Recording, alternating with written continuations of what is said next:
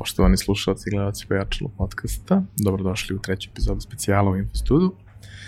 Ja sam Ivan Minić, vaš domaćin, a danas u gostima imam Radomira Ikića, koji je project manager u data science timu Infostud. Dobrodošao. Hvala. I a, kako bi ti objasnio šta je tvoja pozicija? Uh, pa, a, neizvesno još uvek, ali ako se vratimo na osnove project managementa, a, a ovaj, ignorišemo za sad ovaj data science deo koji je možda malo i maglovit, još uvek, ne samo kod nas, nego i inače u primjeni, a, onda je moja svrha jeste da isporučim projekat u okvirima koji su dati a, i da se negde ma maksimizira vrednost tog projekta i da on lepo sedne i da se implementira tamo gde treba da služi neko svoje svrsi. A, I ti si jedan od onih koji su u Infostud došli prilično davno uh -huh. i koji su krenuli od nekih juniorskih pozicija, a danas su došli na, na, na neka lepa mesta i tvoj razvodni put je takođe vrlo interesantan i imao je razne faze. Kada si došao u Infostud, na koju poziciju? Bilo je to 2011 a, godine, posle fakulteta, a, ja sam studirao novinarstvo i a, to je bila pozicija a, administratora oglasnog sadržaja na obrazovnim sajtovima. Tako da je to bio neki početak, neka baš onako osnova, gde sam se ne baš prvi put susreo sa administriranjem jednog sajta, ali ovaj ali prvi put onako ozbiljno se to negde objavi, da vidim svoju, svojih ruku delo, da nije to neki moj projekat sa kojim se igram. Uh, to je bio početak, ali za ovih 10 godina je tvoj razvojni put kroz Infostud bio prilično interesantan. Šta su bile neke od, od najzanimljivih tačaka, kako se to sve kretalo, kako si se ti razvijao, kako se razvijala tvoje interesovanje i kako je firma to pratila? Uh -huh. Pa ne znam, sad kad vratim tih 10 godina unazad, onako malo kad premotam, nisam nešto, ne ostavim da je to bio neki smisleni napor, sad kao ja želim da stignem od tačke A do tačke B, pa sad ovaj, idemo da vidimo kako pravimo te neke stepenice. Nije to neki bio razvojni plan u tom smislu, ovaj, aha, imam zamišljen krajnji cilj. Nego je onako bilo, i infostud je rastao i ja sam rastao, otvarale su se neke mogućnosti i tamo gde mi je bilo zanimljivo ja sam pokušao da ovaj, zabodem nos da vidim šta ima i da doprinesem nečemu.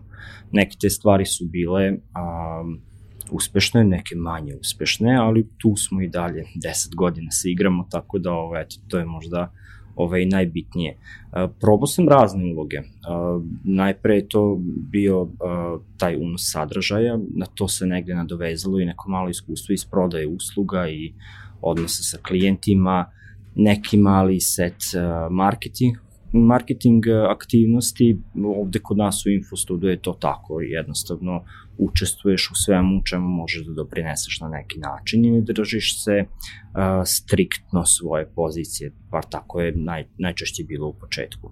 E onda je tu došao razvoj sajta i funkcionalnosti kao uh, pozicija na kojoj sam se najduže zadržao i to sam probao i na obrazovnim sajtovima u nekom velikom sastavu, pa kao svi radimo na tim sajtovima i kasnije kad smo se podelili na manje ekipe, uh, pa onda na sajtu polovni automobili, A, tamo sam a, bio nekih tri godine, sad sam u centralnom sektoru, u sektoru koji je prvo bio korporativni razvoj, a sada je to opet dva sektora, jedan jeste korporativni razvoj koji se bavi nekim organizacijnim projektima i promenama, a, a drugi sektor je novi sektor, sektor koji se bavi podacima, istraživanjem i razvoju, razvojem na osnovu tih podataka. Tako da to je neki put, hajde da kažem, prilike. Ono što prosto želimo da, da, da ispričamo je uh, kako uopšte nastaje, kako se uviđa potreba uh -huh. i mhm. kako nastaje plan da se formira data science team za jednu kompaniju kao što je Infostud. Naravno, potreba, potreba je jasno da, da postoji, ali prosto uh, jedno dugo vreme ulazi se u tako nešto na osnovu nekog ličnog osjećaja. I što si više u priči, tvoj lični osjećaj je sve tačni u, u većini slučajeva, ali ne uvek. Uh -huh. I često nemaš zašto da se uhvatiš da bi doneo zaključke koje, koji su ti potrebni, pa tad osjećaj ima veće šanse da promaši. A ovo donošenje odluka na osnovu podataka je u suštini nešto što, da kažemo, digitalni, digitalna ekonomija i biznisi koji se razvijaju, možda ne primarno, ali i u digitalnoj sferi, nose sa sobom jer prosto na raspolaganju nam je mnoštvo podataka mnoštvo podataka ciljeno možemo da sakupimo ako znamo da su nam potrebni, samo ne znamo baš uvek koji nam to podaci trebaju i baš šta ćemo sa njima i sve ostalo. sve su to neke stvari koje prosto treba da se pojavi svest, pa da onda sazru, pa da se onda nađe adekvatno rešenje i to je proces koji traje. Kako je taj proces izgleda kod vas? Da, kod nas je to proces koji još uvek traje.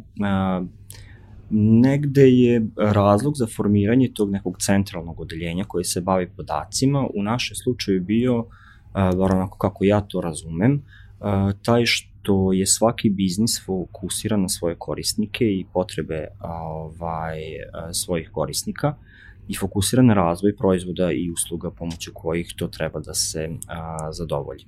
A onda ti podaci tu dolaze kao neki, neka sekundarna sirovina, kao nešto što uh, u tom procesu ostaje. Uh, ono što se nameće često u online biznisima jeste da su ti podaci tu, pa su tu i to super može da se iskoristi. E sad, kod nas uh, postali smo svesni toga da da, to jeste jedan potencijal, a da to baš sve može da se iskoristi tek tako samo po sebi, teško bez nekog smislenog napora da se to dovede do nekog upotrebnog oblika i uopšte da se biznis procesi dizajniraju tako da ostaju neki upotrebljivi podaci iza toga.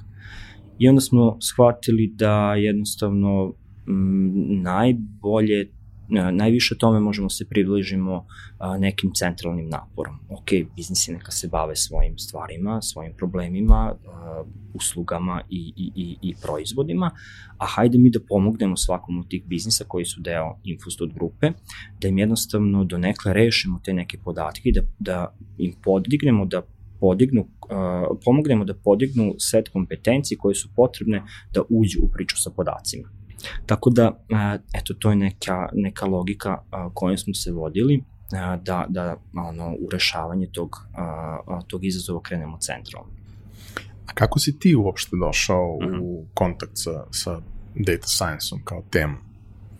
Pa pozicija razvoja kod nas u firmi je nešto što ti da onako širok pogled na, na a, a, sve i svakakve a, oblasti koje se ono negde ukrštaju kroz tu jednu poziciju. Radiš sa programerima i sa dizajnerima i sa biznis ljudima, a, pišeš projekte, definišeš ih, iniciraš ih, vodiš ih, sarađuješ sa svim tim ljudima da se to realizuje i onda tu negde uh, dođeš do raznih informacija pa izabereš neku novu oblast koja te zanima. Ja sam tako krenuo dosta da čačkam Google analitiku i jako mi je bio fascinantan taj moment kada u online možeš sve da izmeriš i, i, i, i ovaj, možeš da pratiš kako tvoj proizvod a, funkcioniše a, ovaj, i da u skladu sa tim reaguješ. I onda sam ono, dosta čačko iz toga. Bila tu jedna konferencija koja je ključna za moje interesovanje za podatke, to je Super Week, organizuju uh, je uh, jedna super ekipa ovaj, uh, i održava se na domak Budimpešte svake zime, ove zime naravno nije bila jer ovaj korona, ali ovaj, to je onako događaj gde se skupi veliki broj stručnjaka iz te oblasti i nesubično dele znanje neumorno pet dana u jednom hotelu gde si zatvoren na brdu i nemaš ništa drugo sem analitike. I ovaj, tu sam ono, čuo cool priča šta sve ljudi uh, mogu da urade sa tim i da to nije banalno. I onda sam to pokušao da donesem u Infostud. Jer smo mi to negde primenjivali, ok, aj stavit ćemo neke eventove, malo ćemo merimo posetu, vidjet ćemo šta i kako i onda smo došli do prvog nekog izazova, pa da mi imamo taj potencijal, znaš, imamo gomilu sajtova uh, i sad uh, znaš, možemo da pomognemo poslovima da plasiraju neki svoj proizvod zato što znamo da neki tamo a, ljudi na polovnjacima su možda automehaničari.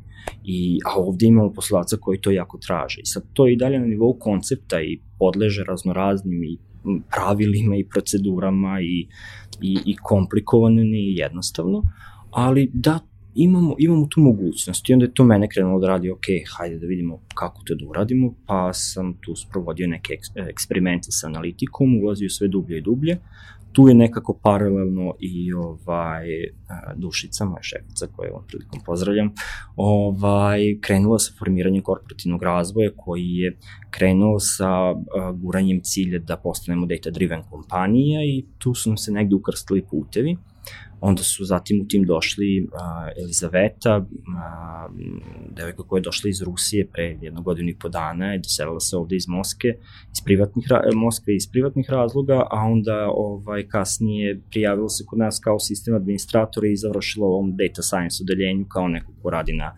data science projektima i data scientist je. Pa je onda tu došla uh, Isidora koja je završila uh, psihologiju, radila razne istraživanja i analitiku, pa je onda nekako i ona tu uplivala.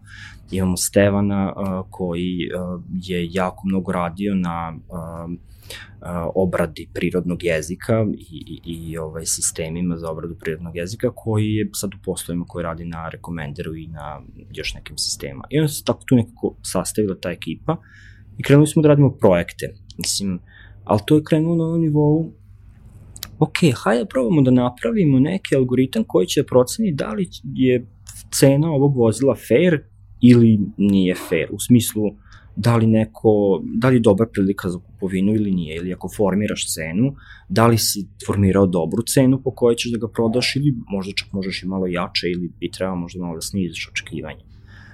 I onda smo tako nekako ulazili u te projekte, hajde, da probamo ali smo onda shvatili posle svakog tog projekta, ukoliko ti nemaš sa biznisom isplanirano tu implementaciju, gde će taj projekat da sedne, kako će da se koristi, koji je njegov biznis potencijal, da li mi očekujemo da dobijemo neke pare od toga, da li nešto hoćemo da zaradimo ili hoćemo da unapredimo neki proces da se radi brže, bolje i efikasnije ili da vežemo prisnije korisnike ili neki segment korisnika za naše Ako nemamo taj plan, onda ovo ostaje neka eksperimentacija jer svaki taj projekat kasnije kada se razvije uh, ima posla i da se implementira.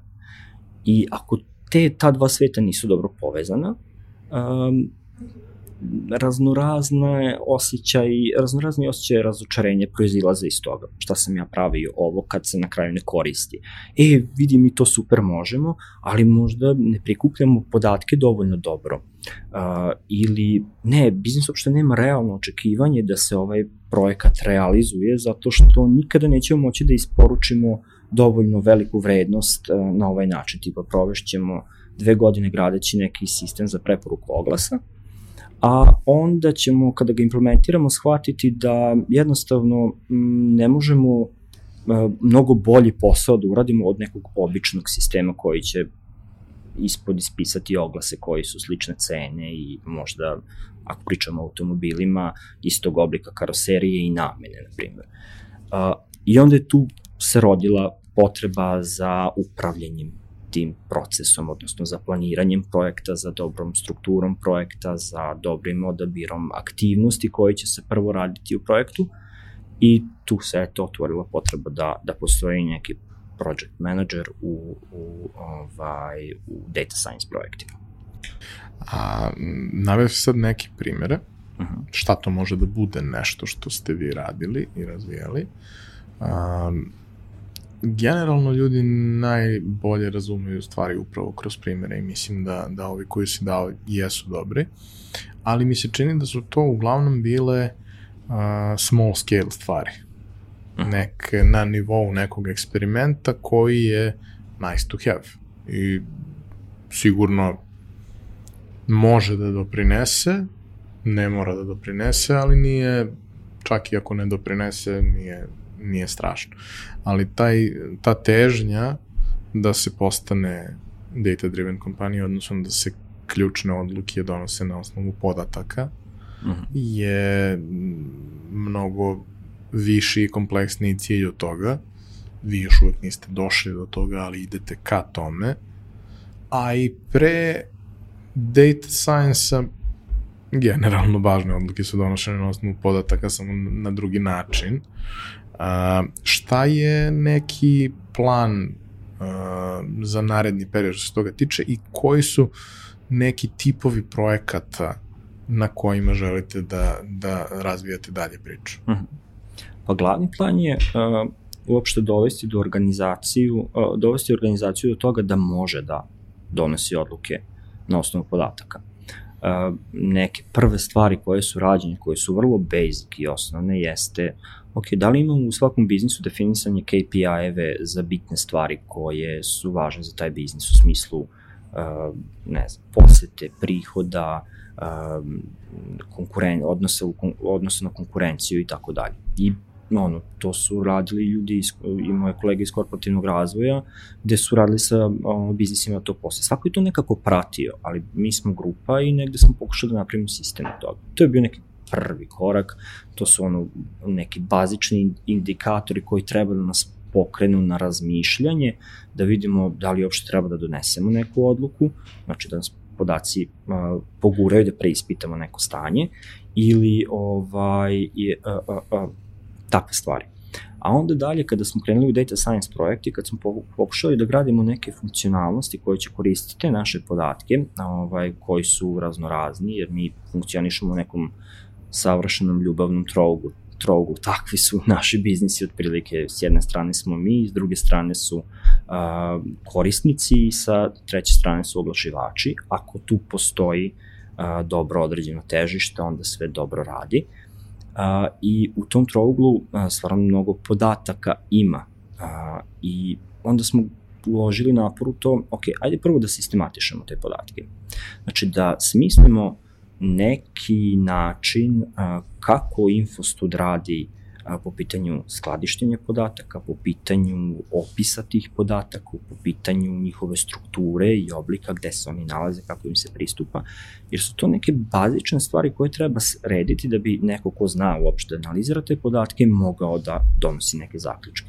Tako da nam je to ovaj, stvar kojim se sada najviše u suštini bavimo jedan od mojih projekata koji vodim jeste sistematizacija analitičkih podataka, odnosno podataka o interakciji korisnika sa sajtom, e, gde pokušavamo da negde sažvaćemo taj infostud data jezik koji ćemo jako lako moći da damo na korišćenje svakom našem biznisu i da onda ovaj, bilo da je novi neki biznis koji ulazi u grupaciju ili neki od postojećih, jednostavno da rešimo te neke preporke u razumevanju podataka. Jer šta je situacija? Uh, a, ako imaš centralno odeljenje i ljude koji treba tamo nešto da urade sa tim podacima, a, jako je dug period dok neko uđe u, u, u, u samu a, strukturu tih podataka i kako, u kakvom su stanju tih podaci, podaci u nekom biznisu. Ukoliko imamo neki zajednički sistem i zajedničku strukturu, to je mnogo lakše. A, tako da, eto, tu smo negde. Ovaj, jedan od projekata koji sada guramo i koji počinju jeste izgradnja te neke centralne data infrastrukture u kojoj treba sve to da se slije a, i ovaj, cela priča oko a, data lake-a i data warehouse-a i kako se relacije između ta dva sistema grade i kako se zasnivaju dobri a, procesi koji od sirovih podataka dovode stvari do upotrebljivih podataka, to su stvari po kojih bar ja ovaj, e, sad najviše razmišljam i, i, i dosta inicijativa pokrenemo da se to ovaj, e, negde, da se, da se napravi neki sređeni sistem od toga.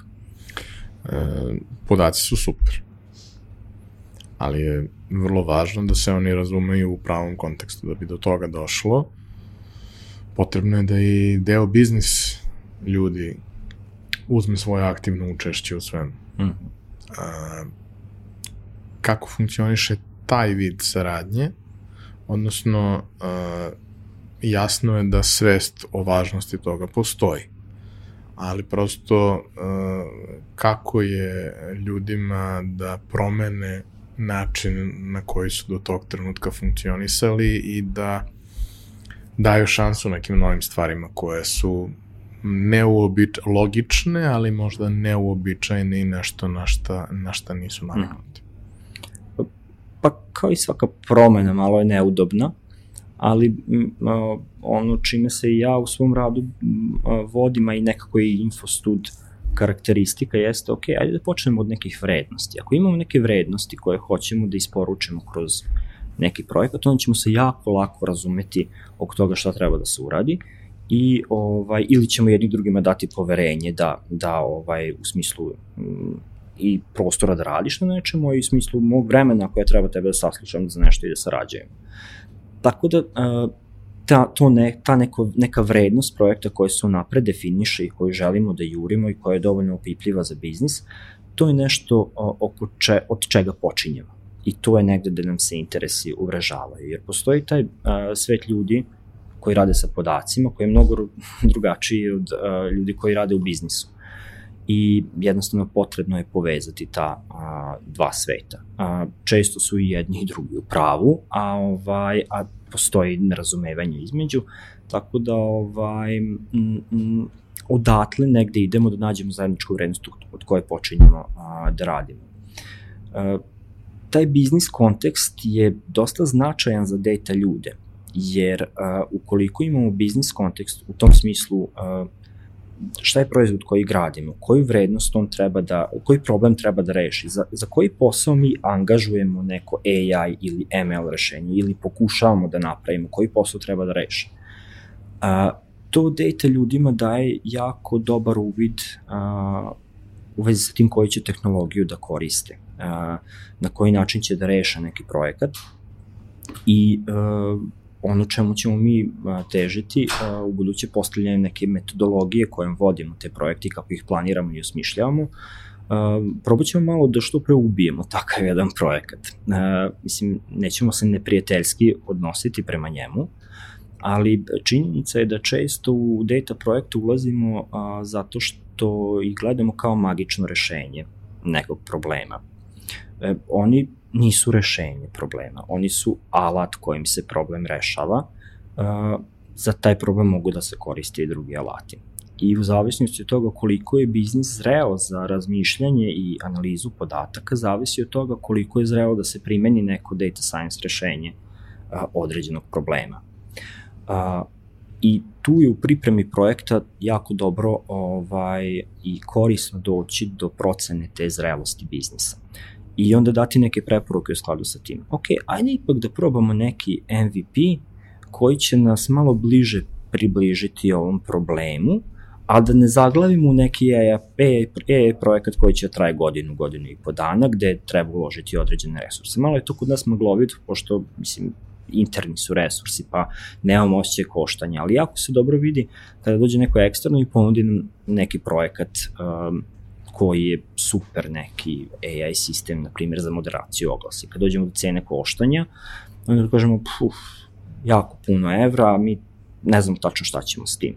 I to je kad ti neko ekstremno dođe po, po ovaj, ponudi tako nešto, to je onako jako lep pokazatelj da nismo spremni jednostavno da uđemo u to i da problem možemo, da nam je dovoljno dobro da jeftinije i sa, sa nekim, ovaj, da kažem, uslovno primitivnijim tehnologijama rešimo problem, nego, eto jedan primer konkretan, a, pošto smo rekli da ćemo pokušati da sve ovaj potkrepimo primerima, pre nekih dve godine, možda malo jače, prvi ja mislim, neki data projekat u Infostudu, implementacija a, sistema za preporuku oglasa u polovnjacima, a, jedna partnerska češ, češka firma nam je ponudila njihovo rešenje koje bi trebalo da bude content agnostik, odnosno taj rekomender bi trebao da preporučuje kakav god sadržaj, bili to tekstovi ili, ili uh, oglasi za automobile.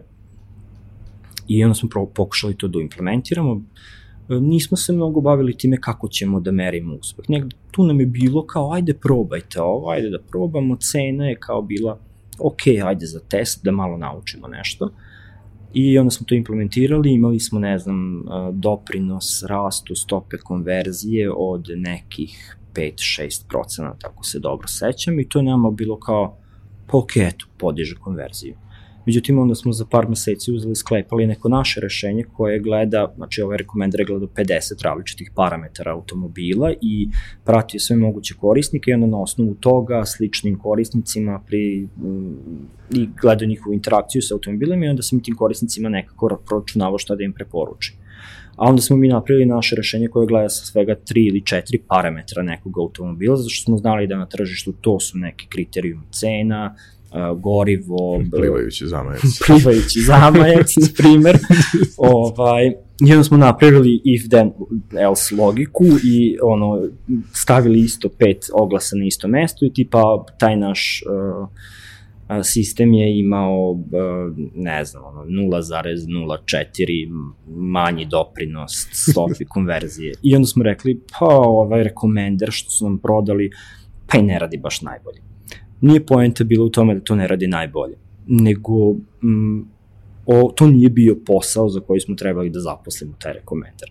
E sad, kad se vratim na ovo planiranje projekata i odabir toga šta radimo ovaj, u data science timu, ono čemu ćemo težiti jeste da dobro preispitamo ima li nešto jednostavnije od ovoga, da što pre, da š, može pre da zadovolji biznis, zato što opet se vraćam, ono od čega krećemo jesu potrebe biznisa i njihovih korisnika i uh, što bolji i optimalniji način da to zadovoljimo. Ako to može bez, bez, bez AI, super.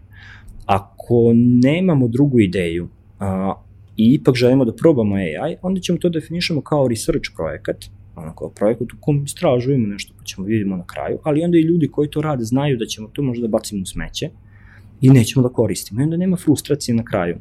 Znali smo. No, nema ni očekivanja, što je važnije, nema ni očekivanja, da. posebno onih komercijalnih koje su uvek kada je firma čak i kada je relativno već velika i dalje mi ne pričamo o, o, o visoko profitabilnim industrijama i svemu ostalom, već prosto e, mora se voditi računa o, o, o svemu i ono, stvari treba da budu najjednostavnije moguće, ali ne da. jednostavnije od toga. Ove, ovaj, ali isto tako, prosto ako postoji niz rešenja koje su na raspolaganju, treba da se pronađe optimalno, jer to što je neko rešenje 1% bolje ako je tri puta kompleksnije, se verovatno ne isplati. Čak i ako ne pričamo o toj komponenti da je jedno rešenje interno razvijeno, drugo je kupljeno, nego prosto kad uzmeš u obzir kompleksnost svega, kad uzmeš u obzir resurse koji se troše, stabilnost sistema, sve što povlači rad sa nečim što je što što koristi velike količine podataka.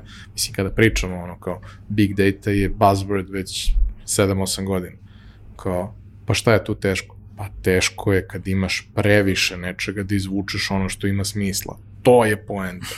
Nije poenta u tome da sad nađem um, treba mi taj podatak. Podatak ima, a šta ćeš sa tim podatkom? Šta ti on znači? On izolovan ne znači ništa. Ako ukrstiš neke stvari može da znači. Ali nije lako ukrštati na neku ogromnu količinu i vrlo je važno i odabrati adekvatne KPI-eve, postaviti hipoteze koje treba da se testiraju, ne ono, ne pretpostavljati da je sve zapisano u kamenu i sigurno tako. Mm. I mhm. tu negde mislim da, iako mnogi od nas i dalje prvo slušaju svoj želudac ili nešto, un, unutra nešto uglavnom, šta god to bilo. Super je kad to možeš da testiraš i to možeš da proveriš i možeš da postaviš metodologiju i a, da, da potkrepiš ovaj, jer onda će manje da te, da te boli te želudac i manje ćeš da razmišljaš o tome da li je ta a, odluka bazirana na nekoj intuiciji ili ličnom iskustvu, ali i dalje vrlo vrlo subjektivna, da li je ona ispravna ili ne. Vi imate veliki sistem sa mnogo različitih vertikala u kojima u svakoj, kada se napravi malo unapređenje, u konačnici se pravi velika razlika. Kroz 10 malih unapređenja na svakom od mesta, na kraju se napravi jako veliki posebno rezultat i to negde pretpostavljam da je i, i cilj kroz, kroz vreme da, da se do toga dođe. Pa, u suštini jeste, jer a, i mi kada ovako kao jel, centralno odeljenje koje nije deo ni jednog biznisa konkretno, a svima negde pomaže i, i pokušava da, da, da ovaj, zajedno sa svima radi, da, da ono, što se kaže, da prosejavamo te podatke u potrazi za zlatnim grumenjem. Ovaj, um, mislim da je dobar pristup tako nekako ući u sve to. A, zašto? Zato što danas ako pravimo rekomender za polovnjake i on tamo a, ne može da bude angažovan za dovoljno dobar posao koji treba da uradi, uh, ok, imamo četiri zida, probat ćemo tamo, možda će tamo drugačije da radi, uh, ili uh, probat ćemo u poslovima, ili danas sutra će doći neki uh, novi biznis u grupaciju koji nema niti resurse, niti uh, uh, uh, uh, znanje uh, kako da uradi nešto, pa ćemo mu to dati kao gotovo rešenje. Tako da, tu negde stvarno pokušavamo da se uh, ponašamo kao grupacija koja će uh, a, taj neki rad sa podacima i, i rezultate tog rada da ponudi za sve njene članove. I mislim da je to jedna od snaga ovaj, koju imamo i koju treba da, da, da, da, korist, da iskoristimo taj potencijal. Um, jedna od nezaobilaznih tema kada pričamo o podacima i svemu onome što sejemo po internetu je i GDPR mm -hmm. i mhm. sve ono što je on doneo i sve komplikacije sve implikacije i sve komplikacije, što kažu. Ovaj, e, šta u vašem slučaju donosi GDPR? Pa u našem slučaju um, pričat ću svoje lično mišljenje, ne donosi mnogo.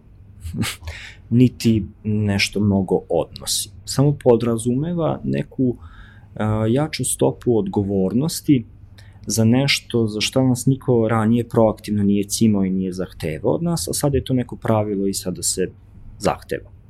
Ja tako gledam na to. E, činjenica da moraš da imaš svrhu obrade određenih podataka i da ih koristiš samo za ono što ti je neko dozvolio da ih koristiš je vrlo prirodno, bez obzira što smo ranije bili u mogućnosti da radimo druge stvari. Ali ako počinjemo od svojih ličnih vrednosti kao pojedinci ili kao kompanija, e, stvari su poprilično jasne. I tu nema nekih uh, iznenađenja u svemu tome ako tako postavimo stvari i tako ih gledamo. Tehnički, uh, nije jednostavna stvar za ispratiti i nije jednostavna stvar za obezbediti, uh, usaglašeno sa nekim odrednicama GDPR-a. Naprimjer, mi smo ranije imali uh, sradnje sa bankama na formiranju kreditnih kalkulatora, gde smo imali inicijativu da ljudi preko naših sajtova mogu da apliciraju za kredit za automobil, na primjer, ili da uporede više ponude banke. Ali smo onda došli do GDPR regulativa gde mi upravljamo podacima, odnosno dolazimo u posed nekih osetljivih podataka na, o, o našim korisnicima koje ranije nismo tražili, gde onda nije samo naša odgovornost kako ćemo se postaviti prema tome, nego kako će i banka kao partner da gleda na nas kao dodatnog obrađivača tih podataka i da li mi tu nudimo dovoljno velik uh, nivo sigurnosti. I onda tu odnos postaje komplikovan. Tu, uh, tu, tu, tu stvar više nije aj samo da omogućimo da nešto može, nego to mora da ima neki a, jak nivo sigurnosti. I to je negde gde se, eto, na tom plastičnom primeru ogledava komplikacija koju uvodi taj GDPR, ali ne gledam na to kao nešto što nije smisleno. Jeste vrlo na kraju ja prvi bi voleo da od koga god i gde god sam ostavio svoje podatke u trenutku kada mi se to učini za shodno, mogu da ih povučem i da jednostavno niko nema uvid u njih više zato što ja to ne želim, eto jednostavno. Tako da vrlo mi je to prirodno.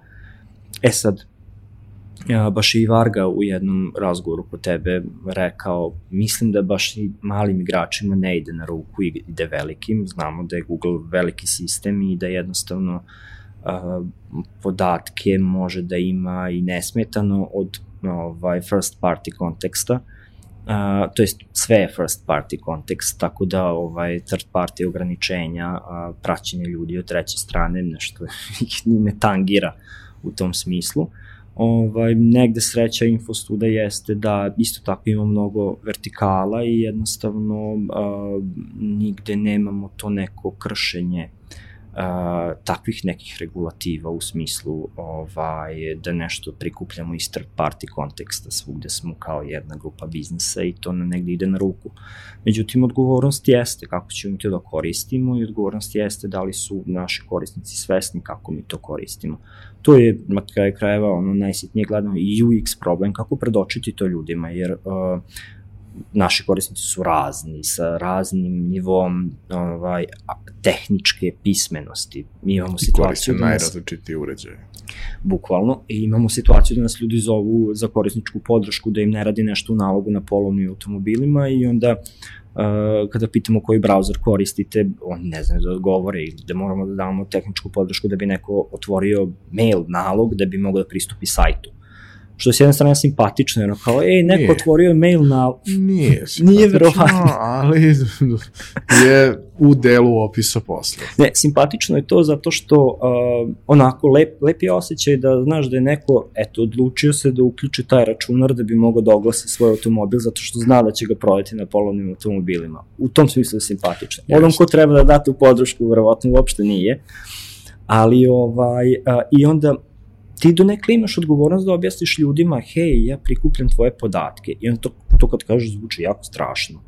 I uh, eto, uh, to su neki razni izazovi uh, rada sa, uh, ovaj, to je poštovanje GDPR procedura koji spadaju na jedan online biznis.